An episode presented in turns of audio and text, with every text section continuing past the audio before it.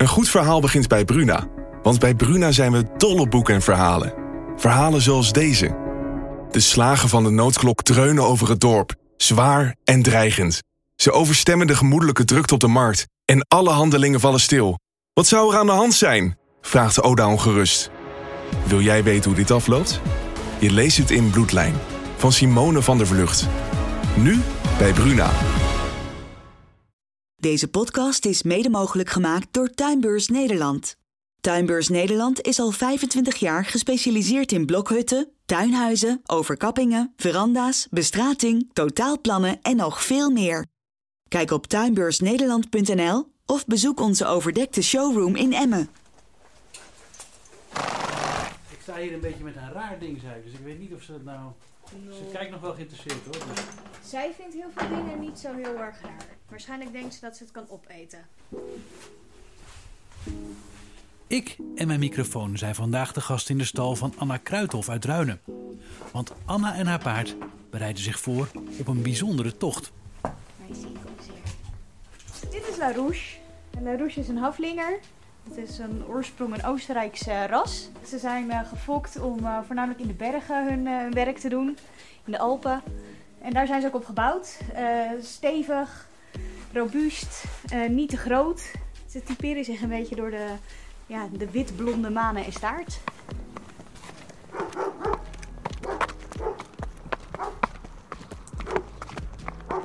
Mijn moeder die was best wel terughoudend. Die vond het best wel, die vindt het nog steeds best wel spannend. Dus die hoopt ook echt dat ik voor eh, elk stuk van de tocht iemand vind om mee te rijden.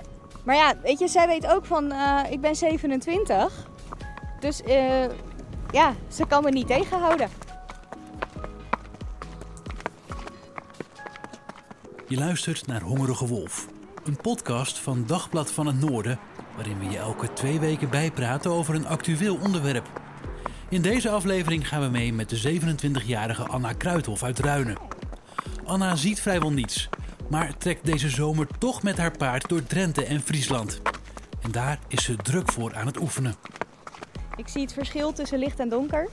Ehm, en in dat licht en donker dan nog wel contrast. Ehm, maar meer dan dat eigenlijk niet. Ik ben ehm, ja, gewoon toen ik een jaar of zes, zeven was begonnen op de manege. Ehm, en ik ben het altijd blijven doen. Dus ik weet niet beter dan, eh, dan dat ik paard rij.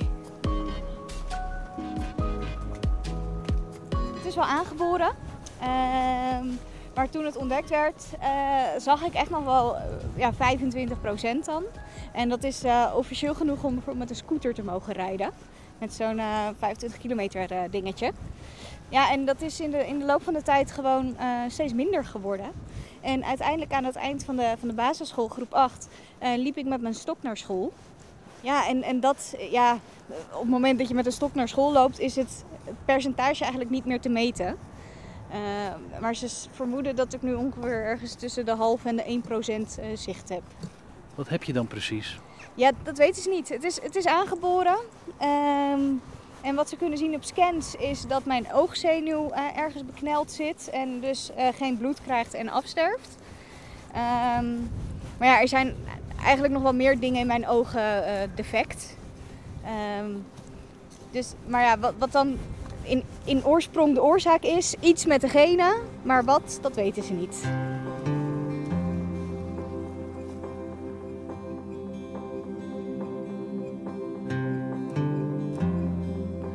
Herinner je je nog iets van toen je wel kon zien? Ja, ja. Eh, zeg maar van dingen van eh nou, 20 jaar geleden eh, kan ik me nog wel herinneren hoe die eruit zien. Ehm, nu is 20 jaar geleden natuurlijk niet meer zo representatief voor nu. Ja, een boom is toch nog steeds een boom? Ja, ja, een boom is nog steeds een boom. Ehm, dus dan weet ik ook nog wel. En ook als mensen het dan over verschillende soorten bomen hebben. Ehm, bijvoorbeeld een, een, een den of een, een, een kastanje of een eik. Weet ik ook nog wel van, eh, oh ja, dat, dat ziet er dan zo uit. En dit en dat is het verschil tussen die twee. Hoe was je daar als kind eigenlijk zelf onder? Nee, het enige wat ik merkte eh, dat ik minder ging zien, was dat ik niet meer met balspelletjes mee kon doen. Maar dat losten we eigenlijk op met, met, eh, met de klas door de balspelletjes aan te passen. Ehm, niet altijd natuurlijk, want de andere kinderen hadden ook nog wel zin om eh, nou ja, hun, hun eh, ja, snelle balspelletjes te spelen. Maar als ik meedeed, dan, eh, ja, dan, dan ging het tempo gewoon omlaag. En tijdens de gymles hebben we ook wel gewoon spelletjes, balspelletjes gedaan, speciaal voor blinde mensen. zoals goalbal. Dat ja, was op een gegeven moment ook wel iets wat we in de gymles deden. Heb je dan nooit zoiets gehad van, verdorie, waarom overkomt dit mij? Ja, natuurlijk. en die momenten heb ik nog steeds wel. Ehm, alleen, het zijn momenten. Ehm, en ja, weet ik, heb, ik heb het geaccepteerd, want de kans dat het uh, beter wordt is heel klein. Uh, en die verdorie momenten, ja, dat is even heel shit. Um, en dan eet ik even een bak met ijs leeg. En daarna is het weer goed.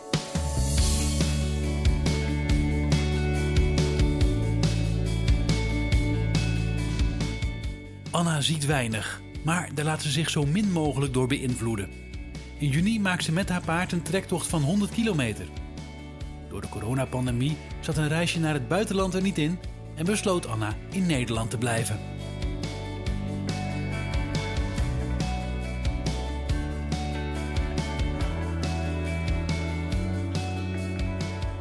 Omdat ik dus blind ben en deze trektocht ga maken, ehm, heb ik er een, een uh, ja, doel aan gekoppeld. Ehm, van oké, het is mijn vakantie en ik ga dit doen, dat is hartstikke leuk. Ehm, maar het is nog leuker als ik dit kan doen om anderen er blij mee te maken. En daarom dat ik uh, tijdens mijn tocht en in de voorbereidingen uh, geld ga ophalen voor de DVB Foundation. En uh, ja, deze foundation zet zich in om ruiters met een beperking um, te ondersteunen in het uh, verstrekken van hulpmiddelen of het aanbieden van speciale lessen. Um, ja, om voor hun het paardrijden mogelijk te houden. En die DVB Foundation, wat doet die dan precies? Uh, nou, bijvoorbeeld, ik heb zelf uh, magnetische stijgbeugels gekregen. En dan bijpassende zooltjes voor onder je schoenen. Ja, we kunnen er volgens mij wel langs. Ja, ik moet even een beetje uh, mijn microfoon recht houden. Op de smalle weg voor ons staat een auto stil. Het paard van Anna merkt dat het wat krap wordt en reageert direct. Ja, ze, ze, houdt meteen in, hè? Ja. Ja, nee, dus dat, dan merk ik ook van, hé, hey, er is iets er is iets waardoor we niet makkelijk verder kunnen. Dus dan kan ik zelf ook weer wat beter uh, oppassen. En ik heb ook wel eens dat ze gewoon echt stilstaat. En dan gaat ze met haar hoef over de grond schrapen. Um, en dat heb ik dus een keer in het bos gehad. En er was er dus een pad afgezet met schrikdraad. Dus ik stapte af en ik heb dan een zweepje mee als ik in het bos rij. Uh, en die gebruik ik dan voornamelijk als taststok. Dus toen ben ik met dat zweepje vooruit gaan voelen van wat is er dan? En toen kwam ik dus die draden tegen. Dus dat vind ik dan wel heel prettig dat zij dat zelf al um, ja, aangeeft. Van hé, hey, let op, er is iets. We kunnen niet verder.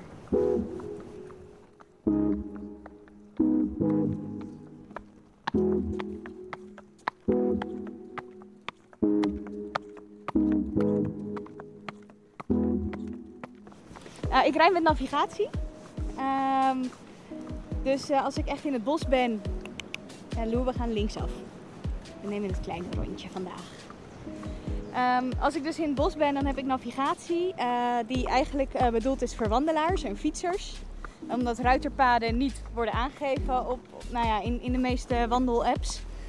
Maar de navigatie zelf wel heel nauwkeurig is. En die vertelt mij dan dus van nou volg deze weg 750 meter. Nou ja, en dan als ik bijna aan het eind van die 750 meter ben, zegt hij sla over 15 meter rechtsaf. Dus op die manier vind ik mijn weg. Hoe doe je dat? Heb je dan nog genoeg zicht om een kruising te herkennen? Soms, met, met deze weersomstandigheden, het is grijs, de zon schijnt niet, dan kan ik het nog zien. Um, en als het zonnig is en het is helemaal open terrein, ja, dan kan ik het ook zien. Maar in het bos en er is zon, dan zijn er zoveel schaduwen dat ik niet meer kan um, onderscheiden of iets een schaduw is of dat iets uh, een obstakel is. Geeft dat dan nooit problemen? Ja, ik weet zelf dat een paard niet zomaar ergens tegenaan loopt, maar toch. Uh, nou ja, dat. Uh, inderdaad, een paard kijkt zelf wel uit dat hij nergens tegenaan loopt, want ja, dat vindt een paard ook niet leuk. Um, dus ja, wat dat betreft uh, heeft het nooit problemen gegeven. Uh, het enige waar ik ooit uh, mee te maken heb gehad was, was op de manege. toen was ik 17 en de instructrice die ik toen op de manege had, die durfde mij niet mee te nemen naar een hoger niveau. Ehm, omdat daar meer zelfstandig gereden werd en niet in een treintje achter elkaar aan, zeg maar. En allemaal dezelfde kant op. Dus dat vond zij dan gewoon eh, ja, eigenlijk te spannend om mij daartussen te hebben. Eh, dus dat is het enige waar ik ooit met paardrijden tegen aangelopen ben. Ehm, ja, dat mijn, eh, mijn beperking, eh, ja, het paardrijden in de weg stond.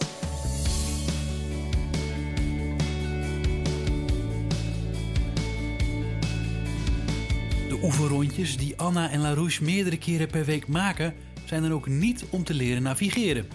Het is vooral bedoeld om conditie op te bouwen en de lange zit aan te kunnen.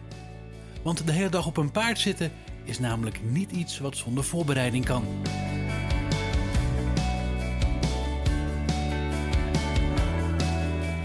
Nou, heel veel kilometers maken vooral.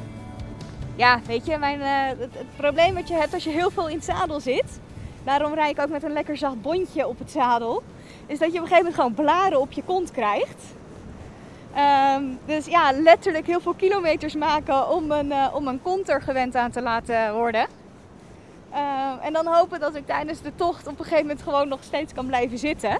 Ehm, maar ja, de pot crème gaat wel mee voor het geval dat. Hoe lang denk je per dag in het zadel te zitten? Nou, het is 20 kilometer per dag. Over eh, 15 kilometer doe ik ongeveer 2,5 uur. Ehm, ja, eh, je, je pauze ertussendoor, één of twee. eh, een keer verdwalen. Eh, ja, weet je, ik denk dat ik per dag wel 6 à 6,5 uur eh, onderweg ben.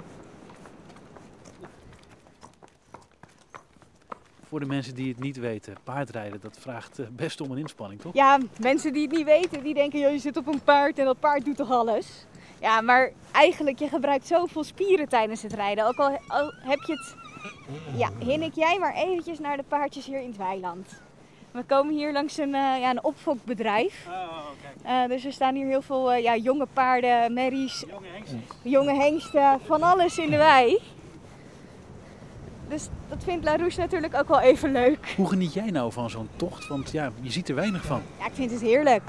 Weet je, gewoon eh, de natuur waar je doorheen gaat, de geluiden om je heen. eh, als de zon schijnt, de warmte op je huid, eh, de wind die je voelt, geuren die je tegenkomt.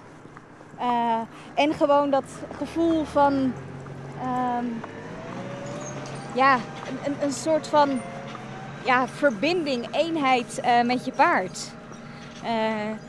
Ja, die ik ook echt wel aanga zo in het bos. Want ik moet haar wel vertrouwen om eh, ja, door dat bos te komen.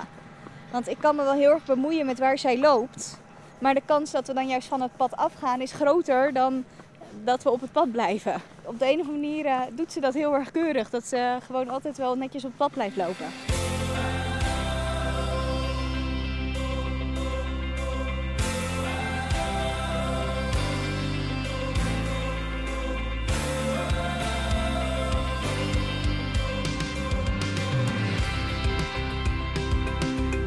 Ja, het, het zal ongetwijfeld lastig worden. Ehm, en ik zal aan het eind van de tocht ook waarschijnlijk een heel stuk vermoeider zijn dan aan het begin van de tocht. Ehm, maar dat is eigenlijk wel gewoon ja, de struggle, het, het, dagelijkse issue waar ruiters met een beperking of mensen in het algemeen met een beperking tegenaan lopen. Ehm, en ik ben dan, zeg maar, mijn, mijn mindset is dan zo van: oké, weet je, ik weet dat het moeite kost. Ehm, maar ik vind het leuk om te doen, dus waarom zou ik het dan niet doen? Ja, is die struggle echt leuk om in je dagelijks leven te hebben? Nou, nee, weet je, de struggles zijn natuurlijk niet leuk. Eh, maar je kunt ermee dealen. eh, of je kunt je achter de gordijnen verstoppen. Ehm, en ik ga dan liever de struggles aan. Ehm, en dan elke keer als ik er eentje overwin, eh, gewoon een, een wauwgevoel hebben van hé, hey, het is weer gelukt. Zie je wel van oké, je hebt een beperking, maar ehm, dan houdt het leven niet op. Wanneer had je dan voor het laatst zo'n wauw-moment? Ehm, nou, ik zit nu eigenlijk constant in een wauwgevoel nu ik deze trektocht aan het voorbereiden ben. Ehm, en op mijn werk. Eh, ik doe graag dus eh, dingen die hem niet zo voor de hand liggen. Eh, blind zijn en een trektocht rijden. En ik werk bij de Nederlandse Spoorwegen.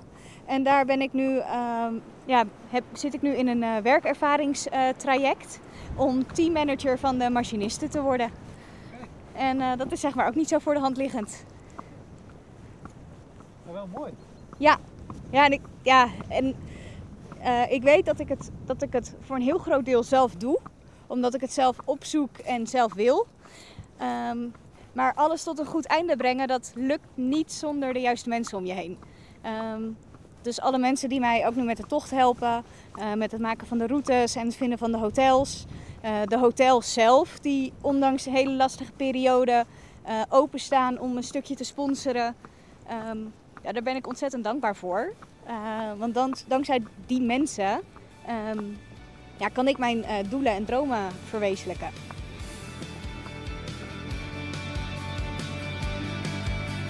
Anna zoekt nog sponsoren voor haar trektocht.